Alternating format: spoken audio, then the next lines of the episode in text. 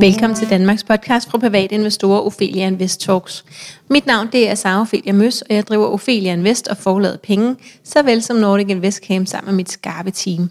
Vores mission det er at skabe rum for læring, og vores vision det er, at alle danskere ved, at investeringer er på bordet, hvis vi altså vil det. Strukturen er, at vi udkommer ugentlig i cirka 30 minutter om fredagen, og vores hovedsponsorer det er Almindelig Brand og Spotlight Stock Market. Dagens tema det er strategi, og også lidt øh, frygt versus fakta. Øh, og for en gang skyld, så er jeg alene i den her optagelse.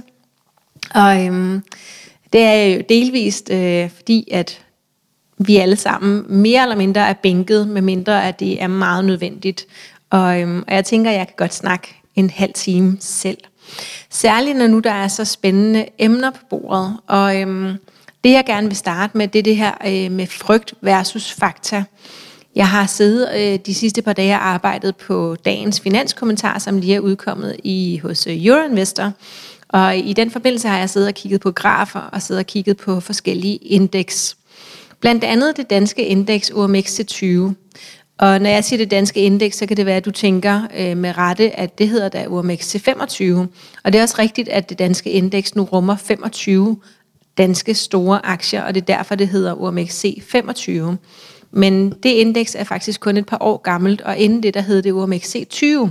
Så når vi nu gerne vil have noget lang historik, så vi kan se på, hvordan det er gået historisk set, så er det selvfølgelig det, det giver mening at kigge på. Og, og det er altså der, vi starter. Så nu ved jeg ikke, om du sidder foran en computer, men ellers så, øh, så kan du jo eventuelt gøre det og lige sætte, øh, sætte mig på pause et øjeblik. Hvis du øh, har mulighed for at tage en computer, så kan du gøre det, og så skal jeg nok fortælle dig, hvad du kan søge efter, ellers så, så kan du bare lytte med her. Så det jeg gjorde i hvert fald, det var, at jeg har søgt på OMX C20, og så har jeg skrevet STOCK, S-T-O-C-K. Øhm, det giver altid mening at søge på engelsk, når vi skal søge efter finansrelaterede termer. Øh, og så på Google, så kommer der en flot graf frem over OMX 20. Der kan man så se, hvad kursen er lige nu, og man kan se, hvad kursen har været tidligere. Og det er særligt det med tidligere, jeg synes er rigtig spændende. Når jeg undersøger en aktie eller en fond, øh, et værdipapir generelt, så, øh, så er jeg ret interesseret i at se på den historiske udvikling på grafen. Typisk så starter den selv med at vise os, hvordan udviklingen har været på en dag. Øhm, og en dag, det er ikke nødvendigvis særlig øhm, retvisende. De fleste af os har en længere tidshorisont end en dag.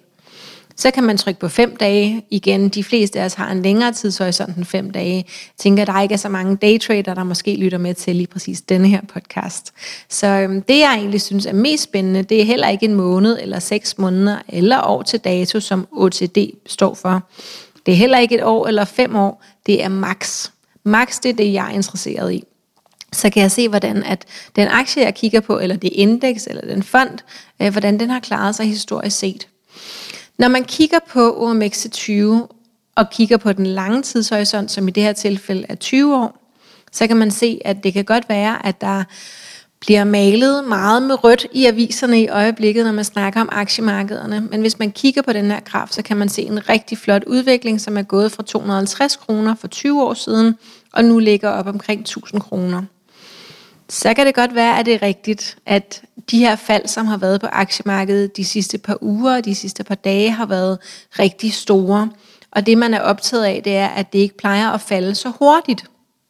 Men situationen, som vi er i, den er heller ikke særlig plejer, øh, hvis man kan sige det sådan. Normalt så ville der måske være, øh, faldene ville komme over længere tid, og ikke så hurtigt, som det har været tilfældet nu. Men hvis man kigger på den historiske udvikling, så kan man se, at de fald, der har været, selvom de har været hurtige og har også været store i gåsøjne, så er det stadigvæk en dråbe i forhold til den lange udvikling. Så kan det godt være, at der er nogen, der er uenige med mig, det er helt okay. Hvis vi, øh, hvis vi kigger ud over bare det danske øh, indeks, og måske går ud og kigger på hele verden i stedet for, så er der en, øh, en, et indeks, der hedder MSCI World Index, og øh, msci.com, det er øh, det er en hjemmeside, hvor man kan øh, faktisk blive en del klogere på det her med indeks generelt set, fordi de har så mange forskellige indeks. Ja, og øh, hvis man går ind og kigger på MSCI World Index herinde, så vil man også kunne se øh, den samme tendens, som vi lige så på det danske indeks. Det her indeks, det startede i øhm, cirka februar 05, det vil sige det er 15 år siden, mere eller mindre, der startede det i kurs 100. Nu ligger det i kurs lige omkring 250.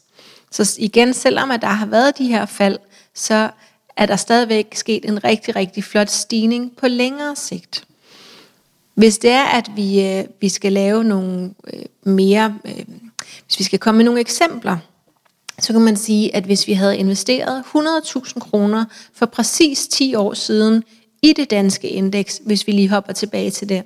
Så altså investeret 100.000 kroner for 10 år siden i det danske indeks. Den helt præcis, øh, lad os sige der den 12. 13. marts. Så stod kursen i 372 kroner. Hvis vi tager udgangspunkt i lukkekursen i går, øh, som var 972, og det er faktisk også det, den er på, øh, nu er den på øh, 974, men altså, hvis vi tager udgangspunkt i 972, som indekset lukkede i i går, så havde vi haft en stigning på 162 procent.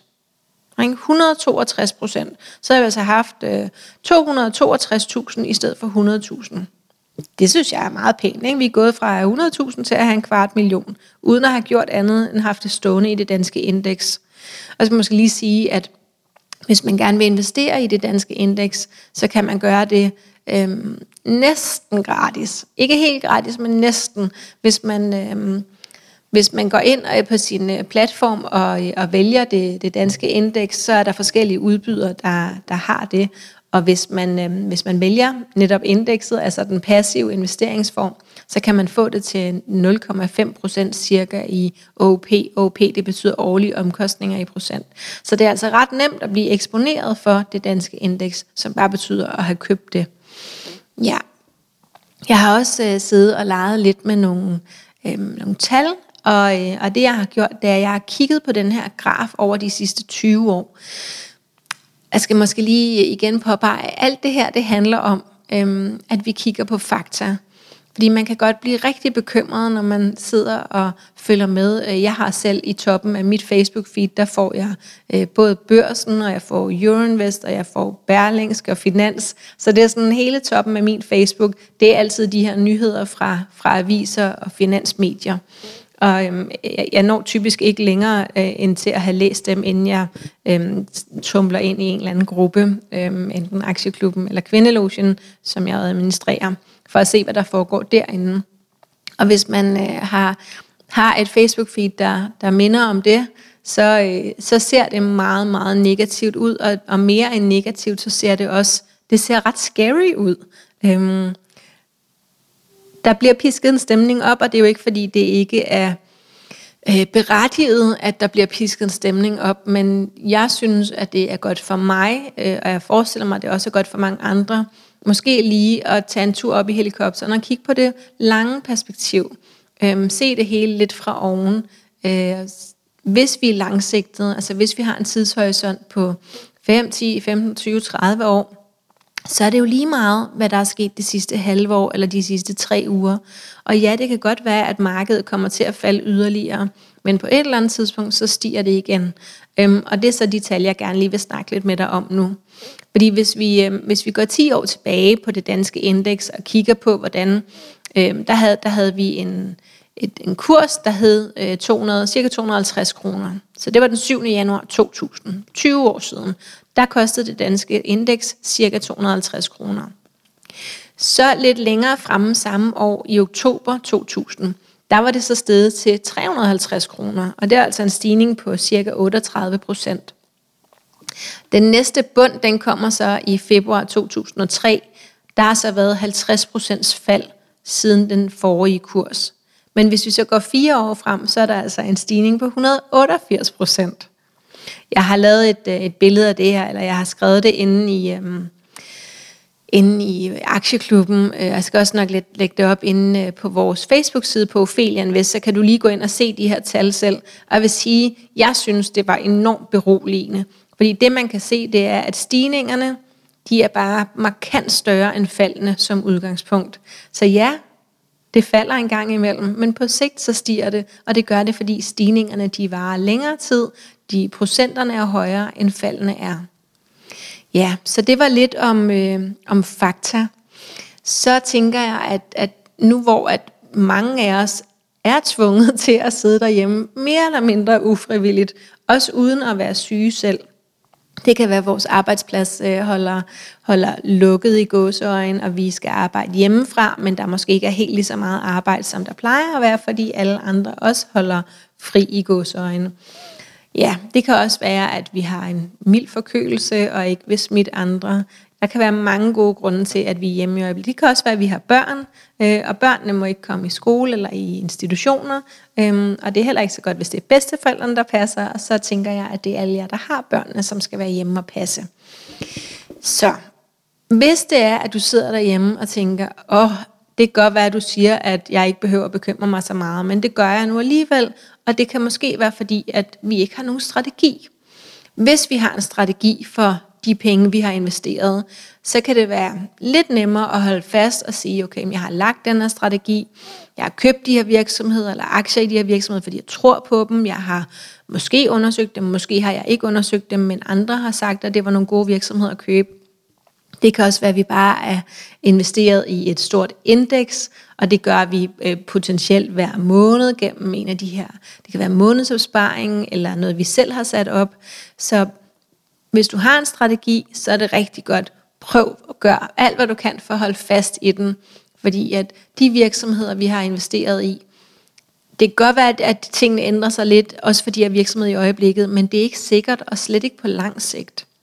Så igen, vi hører meget ude i medierne i øjeblikket om, at der er virksomheder, der er konkurstruede nu osv., men det er ikke nødvendigvis de virksomheder, vi har investeret i. Så husk igen at prøve at holde øje med fakta. Der er rigtig meget psykologi i det her i øjeblikket.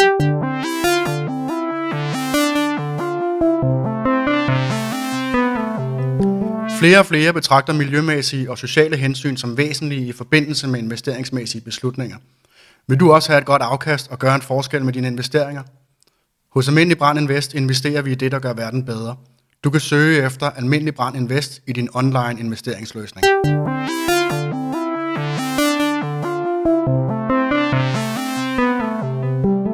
Det kan være, at vi skal snakke lidt om psykologien i næste uge.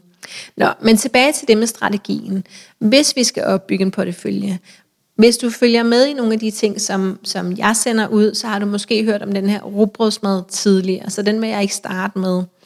Jeg vil i stedet starte med at sige, at hvis vi har forskellige tidshorisonter, så er der forskellige muligheder. Hvis vi har forskellige øh, beløb at investere for, så er der forskellige muligheder. Så når vi nu skal enten opbygge en portefølje eller lægge en ny strategi, fordi vi kan mærke, at det, der sker i øjeblikket, det får os til at tænke, at den strategi, vi har valgt, måske ikke er den rigtige. Så kommer der lidt om det her. Så hvis vi nu har en kort tidshorisont, det kunne være fra 1 til 3 år, så er det ikke sikkert, at andre vil klassificere det som investering. De vil potentielt mene, at det var øhm, spekulation, og det kan også godt være, at det er det, fordi hvis vi kun har, lad os sige, et, to eller tre år, så er vi måske ude i at spekulere i henholdsvis aktiefald og stigninger, frem for at lave en reel investering, fordi der er en virksomhed eller et tema, vi virkelig tror på. Men hvis vi har en meget kort tidshorisont, et til tre år, så vil det i min optik, og husk, at jeg er bare en blond sociolog, øh, amatør, ligesom rigtig mange andre derude, og jeg fortæller bare om mine egne erfaringer og alle de øh, råd og så videre, som jeg har hørt hos alle de eksperter, som jeg snakker med og som jeg læser om. Men hvis vi har en kort tidshorisont, så vil det give mening, måske bare, eller det er det, jeg vil gøre, sætte mine penge primært på en Øh, en bank der, hvor jeg kunne finde en indlånsrente, hvor jeg får en lille smule. Og det kan godt være, at det kun er en halv procent, men det er bedre end øh, 0 procent eller en negativ indlånsrente, som jeg måske er udsat for i min egen bank. Så prøv at se, om der er et sted, hvor du kan få en lille smule indlånsrente. Det kan også være, at du kan finde en realkreditobligation med en kort løbetid, hvor der er lidt rente at hente. Og så hvis det var mig, så ville jeg potentielt tage bare en lille smule af de her penge, og det ville så være, lad os sige måske 10 eller 20 procent, som jeg godt kunne tåle, blev mindre værd også. Så det vil være dem, hvor jeg sådan satsede lidt og tænkte, okay, jeg vil gerne prøve at se, om jeg kan hente et afkast. Det kan også være, at jeg ikke kan. Øh, og så er det okay, at de her penge bliver lidt mindre værd. Så igen, der er ingen garantier på inden for investeringen, og slet ikke, når vi er nede på en tidshorisont under tre år. Men hvis vi er villige til at satse lidt med bare lad os sige 10 eller 20 procent af de her penge, så tror jeg personligt, at jeg vil sætte dem i crowdlending, og jeg vil vælge en af de crowdlending øhm, måder, hvor at jeg vil få et fast afkast hele tiden. Øhm, selv har, bruger jeg øh, Bondora, som er en crowdlending-platform, der ligger nede i Estland, som jeg også har været nede og besøge for, for lidt over et år siden. Og øh, dem havde jeg tillid til. Jeg synes, at de virker reelle, og det er nogle af dem, som har øhm, længst historik på crowdlending-markedet. De har været i gang øhm, i lang tid. Det skal siges, at crowdlending-markedet er ikke blevet øhm, udsat, det er ikke blevet testet i en finanskrise eller recession, så der er ikke nogen, der ved, hvad der sker med crowdlending-markedet, hvis hele økonomien vender bunden i vejret. Og crowdlending til jer, der ikke ved det, det er, at vi på den ene side har nogen, der gerne vil låne nogle penge, på den anden side har vi nogen, der gerne vil låne nogle penge ud for en rente, og så har vi i midten den her online platform, hvor de kan mødes. Godt, så det er det, jeg vil gøre, og der vil jeg formentlig bruge det produkt, der hedder Go and Grow, hvor at, at jeg får 6,75% fast. Det vil, det vil være en, en risiko, som jeg vil være villig til at tage, men der skal du mærke efter for dig selv. Øhm, det kan godt være, at det kun skal være den her øh, indlånsrente øhm, på en halv procent, som du måske går efter. Det kan også være, at, at du er rigtig dygtig til at finde øh, realkreditobligationer med lidt, lidt afkast, øhm, og hvis du så er lidt mere risikovillig som jeg, så kunne du så teste det her crowdlending også. Hvis vi rykker videre til en mellemlang tidshorisont på, lad os sige, fra 3 til 7 år, så er der igen, øhm, det bliver meget det samme. Øh, jeg vil måske være villig til her at tage et par enkelte store, stabile, defensive aktier med. De defensive aktier, det er dem, som sælger ting, eller det er i virksomheder, som sælger ting, som vi altid har brug for. Øh, det kan være mad, medicin, øh, shampoo, balsam, alle de her ting, som, som vi ikke skærer så meget ned på, selvom vi ikke rigtig har nogen penge. Så øhm, ja, vi skal stadigvæk have insulin, vi skal stadigvæk have vores havregryn, øhm, vi skal også stadigvæk have gang i øh, kommunikationsnettene, vi vil gerne kunne ringe til hinanden og bruge internettet, meget gerne have lys i huset og varme i radiatoren her om vinteren. Så der er nogle ting, vi ikke skal ned på. Og alle de her øhm, defensive Øh, aktier, det vil være nogen, som jeg vil være villig til at investere i, hvis jeg havde en tidshorisont på syv år. Det kunne også være dem, der hedder value-aktier, øh, deres modsætning af vækstaktierne. Vækstaktierne, det vil typisk være sektorer som tech, hvor man køber ind på en drøm ude i fremtiden og er villig til at betale dyrt for potentialet. Øhm, value-aktierne, det er dem, som er færrevurderet, eller måske endda lidt undervurderet. Øhm, sådan en som Warren Buffett, som mange måske har hørt om, læst om eller set film om, han er value investor. Så han køber kun aktier i selskaber, som er undervurderet. Og, og det er en helt strategi at være value investor. Det er også et sted, hvor at, at man måske vil være mere sikker end i vækstaktierne, hvor der er lidt større udsving øhm, og mere usikkerhed, og derfor også mere risiko. Så der er et altså potentialet kan være større, men risikoen er også større. Så hvis jeg har en tidshorisont på 3-7 år, så igen måske lidt på den her konto med en lille indlånsrente, måske nogle realkreditobligationer, øhm, måske lidt crowdlending, og, øh, og så ellers måske nogle af de her store defensive øhm, aktier, som er færre vurderet. Det vil være det, som jeg vil ture sætte mine penge i hvis det var, at jeg, fordi den her mellemlangtidshorisont, den går jo også ned til tre år, øhm, og vi kan ikke være sikre på, så det kan vi jo se på, på markedet lige nu, ikke? der kan godt komme store fald inden for en, en kort tidshorisont, og der vil vi gerne være sikre på, at vores aktier de kan nå at stige igen, inden det er, at vi skal sælge dem. Det leder os videre til den lange tidshorisont, og her der er alt i princippet muligt. Hvis jeg har en lang tidshorisont på, det kan være så alt fra 7 år og op til 30 år, hvor at vi kan være mere og mere risikovillige, jo længere vores tidshorisont er. Hvis jeg har en lang tidshorisont, så tror jeg ikke, at jeg vil sætte nogle af mine penge ind på en, øhm, en konto, som var spærret med en, en, en lille indlånsrente. Så vil jeg sige, det kan godt være, at jeg gør det med min, øh, med min kontante buffer, øh, og der skal vi huske, at rigtig mange af os kommer til at have en buffer, der er meget større end det, vi egentlig har brug for. Fordi når man spørger folk, hvad, øh, hvad er det, din kontante buffer er til, så er de ting, der bliver nævnt, jamen det er jo, hvis, hvis der er nogle af de her dagligdags ting, som går i stykker. Det kan være vaskemaskinen, opvaskemaskinen, det kan være bilen, øh, det kan være, at vi øh, har brug for at kunne ikke arbejde i, en, i nogle måneder, hvis vi bliver syge. Alle de her ting, det vil ikke være noget, der typisk koster de cirka 180.000, som er gennemsnittet for, hvor mange penge vi har stående i banken. Og jeg ved, når jeg holder foredrag, og det gør jeg ret ofte, så vil der altid være nogen, som sidder og, øh, og løfter øjenbrynene, når, når vi snakker om de her ting. Fordi rigtig mange af os har bare mange kontanter stående i banken. Og hvis vi lige skal fortælle kort, hvad det er, at banken, hvad det er, der sker med vores penge, når de står i banken. Udover at, øh, at den her negative indlånsrente fylder meget øh, i medierne. Øh, igen, vi skal prøve at slappe lidt af over de ting, som vi læser i medierne. Det er ikke sikkert, at det har nogen betydning for os. Så øhm, det jeg heller lige vil sætte fokus på, det er inflationen. Hvis vi tager udgangspunkt i de 100.000 kroner igen, som vi også gjorde tidligere. Hvis vi har 100.000 kroner, sætter dem ind i banken, øhm, hvor vi får som minimum 0 rente. Det kan også være, at den er negativ renten, men lad os bare sige, at den er 0.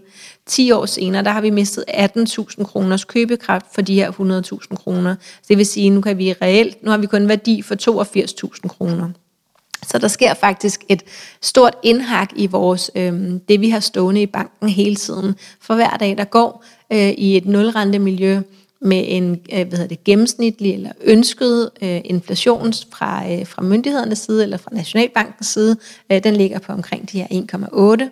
Så, øh, så hvis vi bare har 100.000 kroner stående i banken, eller 200.000, som det ofte er tilfældet, så, øh, så står de altså bare og bliver mindre og mindre værd for hver dag, der går.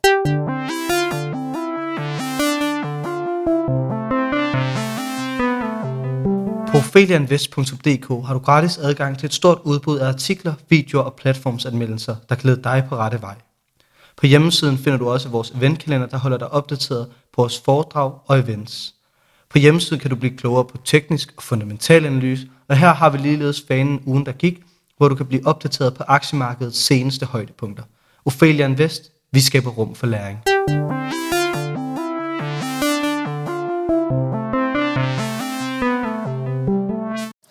Så lad os antage, at vi ikke har lyst til at have for meget stående i banken. Ikke mere, end det koster at få lavet bilen eller vaskemaskinen, eller gå hjemme den første måned, som vi ikke har noget arbejde, hvor vi ikke er dækket andre steder. Og det er vi jo alligevel oftest her i Danmark. De fleste er dækket øh, af A-kasse og lignende. Så lang tidshorisont, ikke så mange penge i banken, det vil ikke være mit valg, nej. Her der vil, jeg, der vil jeg putte meget mere i aktiemarkedet. Øh, og jo længere tidshorisont vi har, jo mere øh, ren aktie kan vi tillade os at have, uden at være meget øh, risikovillige. Fordi når den lange tidshorisont, den gør, at, at vores risiko den bliver mindre, fordi tingene udjævner sig på sigt. Og det vil I også kunne se, hvis I for eksempel går ind og googler OMXC20, og så mellemrum stok STOCK, så kan I se, at det hele udjævner sig med tid. Godt, så jeg vil putte flere penge i aktiemarkedet. Jeg vil, øh, her der vil jeg sætte robotsmaden i spil. Nu tager vi den lige helt kort. Så øhm, jeg tænker på porteføljeopbygning som en robrødsmad. Nederst der har jeg mit robrød, og det bliver udgjort af fonde. Det kan være aktivt forvaltet fonde, passivt forvaltet fonde eller ETF'er. Det betyder ikke så meget. Tanken er, at vi får en stor spredning i bunden og vi kan nøjes med den endnu vigtigere, for vi kan sagtens blive mætte af råbrød alene. Jeg kan tydeligt huske øh, klokken 4 maden i øh, fritidshjemmet, da jeg var barn. Øh, det var bare råbrød med smør, og vi var glade. Hvis vi var heldige, var der rosin på. Ikke? Så øh, råbrød er fint alene, så hvis vi kun har råd til råbrød, så er det fint. Så er det bare fondene, øh, og, og det vil tjene os godt også på lang sigt. Oven på det, der har vi så vores pålæg, og det kan være æg og rejer, og øhm, det er så vores enkelt aktier. Her der vil jeg stadigvæk have fokus på store aktier. Det behøver ikke være danske, det kan også være europæiske, eller amerikanske, eller indiske for den sags skyld. Bare det er nogle store aktier, og jeg vil gå efter noget, som var mere stabilt, og så falder Indien måske lidt udenfor alligevel. Så jeg vil gå efter nogle af de her defensive aktier stadigvæk, der dækker ting, som vi altid har brug for.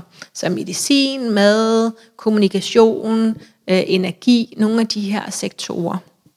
Jeg har faktisk jeg har skrevet øh, en del om det her i min bog, Den lille guide til investering. Og, øh, og der står også helt tydeligt øh, i forhold til sektorer og øhm, hvad hedder det, geografi og så videre, hvordan det er, at vi spreder os allerbedst. Vi har faktisk også lige den del liggende som artikel inde på ofelianvest.dk, så der kan du læse om diversificering. Godt. Oven på vores pålæg, der har vi så Mayo, og det er her, hvor vi kan blive en lille smule mere øhm, nysgerrige med vores investeringer. Her kan vi putte crowdlending ind, vi kan putte guld ind for eksempel, det har jeg også gjort. Jeg købte øhm, en del guld for øhm, et års tid siden, og hvad skal man så købe af guld, er der ofte nogen, der spørger. Øhm, og man kan både købe fysisk guld og lægge i en bankboks, man kan købe fysisk guld og have det liggende hos nogle andre i en bankboks. Man kan købe en ETF, som har købt fysisk guld, der ligger i en bankboks, eller man kan købe en ETF, som tracker udviklingen i guld. Det vil så være et syntetisk produkt. Så det vil sige, at risikoen der, det er, at hvis dem, der har udstedt den ETF, de går konkurs, så ejer vi ikke noget længere, fordi det vi ejede, det var et papir med en udvikling. Alle de andre ting, jeg nævnte, der er det lige meget om dem, der har det, øh, går konkurs, og sådan er det også med vores, øh, vores aktier og så videre. Hvis jeg køber en Novo Nordisk aktie i Danske Bank, og Danske Bank går konkurs, så ejer jeg stadigvæk noget af Novo Nordisk, så vil der bare være nogle andre, der overtog øh, behandlingen af det papir. Så, så syntetiske produkter, det er, når vi bare ejer en udvikling. Så vi kan eje guld, gennem en ETF, som bare følger udviklingen, men vi kan også købe aktier i et guldmineselskab, og det er så det, jeg har valgt, øh, fordi jeg er sådan en lille worker Jeg kan godt lide tanken om, at de går på arbejde hver dag, og det er ikke bare guld, der ligger i en boks. Så jeg har købt aktier i en guldmine, øh, og, og den har fulgt øh, guldpriserne rigtig fint, og det er gået en del op. Jeg tror måske, den er oppe 60 procent eller sådan noget, siden jeg købte den for øh, lidt over et år siden. Så det har været fint. Det er så det, vi kan lægge op i øh, mayonnaisen oven på vores enkeltaktier. Så guld, crowdlending, det kan også være, at vi vælger nu at købe nogle mere ustabile aktier herop, hvor at, at der er lidt mindre af det. Det kunne være nogle af de her vækstaktier, hvor vi for eksempel køber nogle tech-aktier, der har en, anden øh, volatilitet, altså nogle større udsving end, end de mere stabile value-aktier. Det kan også være, at vi køber nogle cykliske aktier, som er modsætningen til de defensive aktier. Cykliske aktier, det kunne være sådan noget som luksusbrands, øh, rejser, transport, byggeri, alle de her ting, som kan få det svært, når, øh, når det går dårligt i økonomien, men som går rigtig godt ellers. Ja, så, øhm, så kommer vi så helt op til Carsten, eller på karseniveau, som, øh, som jeg plejer at sige. Og det er altså herop, jeg vil købe sådan noget som krypto. Øhm, meget, meget, meget lidt. Øhm, så er vi med, hvis det går godt, og jeg mister ikke for meget, hvis det går dårligt. Og det er sådan, jeg vil bygge min portefølje øh, selv, hvis jeg havde en lang tidshorisont. Så kan vi også lige sige, at hvis vi har det her med, hvor meget, øh, fordi det er den ene måde at gå til det på, hvad vores tidshorisont er. Det andet, det vil være, hvor mange penge vi havde. Og hvis vi nu kun har 500 kroner om måneden, så kan vi hive fat i en af de her robo-advisors. Det kunne være sådan noget som June. Det kunne også være øh, sådan noget som Nordnet, der har det værktøj, der hedder månedsopsparingen. Der kan vi også være med for 500 kroner. Og der begge de to løsninger, der kan vi altså få en stor spredning i fonde for øh, et lille beløb om måneden, og Inde på for eksempel Nordnet, der er der så heller ikke nogen kortage inde i månedsopsparingen, men det er primært interessant, hvis det er fonde, vi snakker om. Hvis, øh, hvis vi snakker enkelt aktier, så øh, kan vi lige så godt bare handle på den platform, vi plejer at bruge. Hvis vi har 5.000 kroner om måneden, så kan vi både købe fonde, og det vil stadigvæk være det, jeg vil gøre, lave min bund af fonde, og så vil jeg så spæde til af enkelt aktier ovenpå. Og øhm, alle jer, som, som følger lidt med i, i de ting, som, som jeg sender ud, øh, I ved, at jeg ofte snakker om det her dollar cost averaging. Og det betyder jo bare, at vi skal købe ind efter tre principper. Vi skal købe ind med samme tidsinterval i samme produkt for samme beløb. Det kan vi også godt gøre med enkeltaktierne. Hvis vi har 5.000 kroner om måneden, så vil jeg måske sige, at jeg vil sætte øh, 1.000 kroner eller 2.000 kroner til fonde, og så vil jeg bruge 3.000 på enkeltaktier. aktier. Så vil jeg sige, hvis jeg nu har de her 3.000 kroner over fire måneder, så vil det blive 12.000 kroner i alt. Så vil jeg finde syv store danske aktier, eller europæiske eller amerikanske, og sige, prøv at dele ud, så mit tidsinterval bare var fjerde måned. Så jeg ville gøre sådan, at jeg måske købte to af de aktier, jeg havde valgt den ene måned, to andre i måned to, to andre i måned tre, og så den dyreste i måned fire, og så vil jeg starte forfra. Så vi kan sagtens lave dollar cost averaging, øh, hvor at vores tidsinterval bare er hver fjerde måned. Hvis jeg havde fem 100.000 kroner som engangsbeløb, det kunne være noget arv eller lignende, så vil jeg øh, lave rugbrødsmaden. Øhm, og jeg vil prøve at dele det en lille smule ud, sådan så jeg købt ind over et halvt eller et helt år, netop for at undgå, at jeg smed det hele ind lige inden et fald, som det vi har set de sidste dage. Ikke fordi jeg er bange for det fald, men fordi jeg ville øh, have lyst til ikke at skulle kigge på, at mine tal de var røde i den første periode.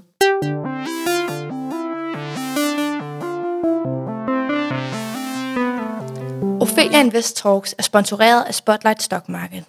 Spotlight Stock Market er markedspladsen, hvor investorer og vækstselskaber mødes. Hos Spotlight er det enklere og tryggere for selskaber at være noteret, da det tilbyder en helhedsløsning. Det øger synligheden for selskaberne gennem unikke mediesamarbejder. Investorer får gennem Spotlight mulighed for at blive medejer i mere end 170 vækstselskaber i forskellige brancher fra flere lande. Deriblandt selskaber som Free Trailer, Barnhof og Synthetic MR.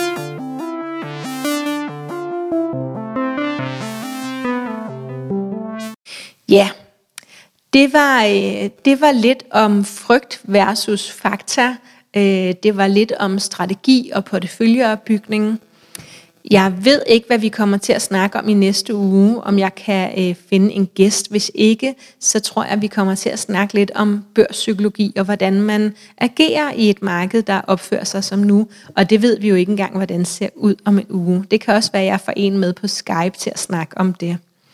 Ja, du kan følge Ophelia Invest på Facebook, Instagram og YouTube. Feedback er altid velkommen. Har du ris, ros og forslag, så send endelig en, en mail til kommunikationsnabelag.opheliainvest.dk. Du er også meget velkommen til at give os en rating inde på iTunes. Jeg kan fortælle, at øh, vores podcast nu bliver redigeret af en utrolig flink mand, som øh, arbejder som lydtekniker, som har tilbudt at redigere vores podcast øh, kvitt og frit, fordi han synes, at han har fået så meget af os øh, i forhold til at lære at investere. Og vi fik faktisk hele to af den slags tilbud på kun en uge. Øh, det var også sådan, jeg fik taget alle mine billeder til at starte med. Der var en fotograf, der skrev, at hun synes, at det var nogle skrækkelige billeder, jeg brugte, og hun gerne ville tage nogle, der var bedre. Og sådan er det jo, når man er amatør så, så kan vi øh, kaste en masse ting derud, og en eller anden dag, så er der en professionel, der synes, at det kan de godt lige løfte lidt, og, øh, og så skriver de og tilbyder det. Og det er så dejligt. Så tusind tak for, for god redigering. Jeg håber, I har bemærket, at lyden for eksempel er blevet højere her på det sidste i vores podcast.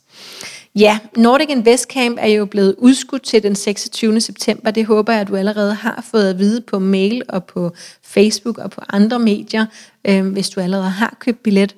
Jeg kan fortælle, at vi stadigvæk sælger mange billetter hver dag, og der stadigvæk også er nogen tilbage, hvis du er interesseret. Så Nordic Invest Camp, det er Danmarks største investor-event, Øhm, og det foregår i København, og datoen er nu i stedet for her i marts blevet rykket til den 26. september. Jeg håber, vi ses der. Du er meget velkommen ind i både Aktieklubben Danmark og Kvindelogen på Facebook. Herinde der prøver vi at spare og støtte hinanden i vores strategier, svare på alle de spørgsmål, der kommer. Vi er omkring 10.000 danskere nu derinde, øhm, og du er selvfølgelig også velkommen, hvis du ikke er med i forvejen. Og så er der bare tilbage at sige tusind tak, fordi du lyttede med.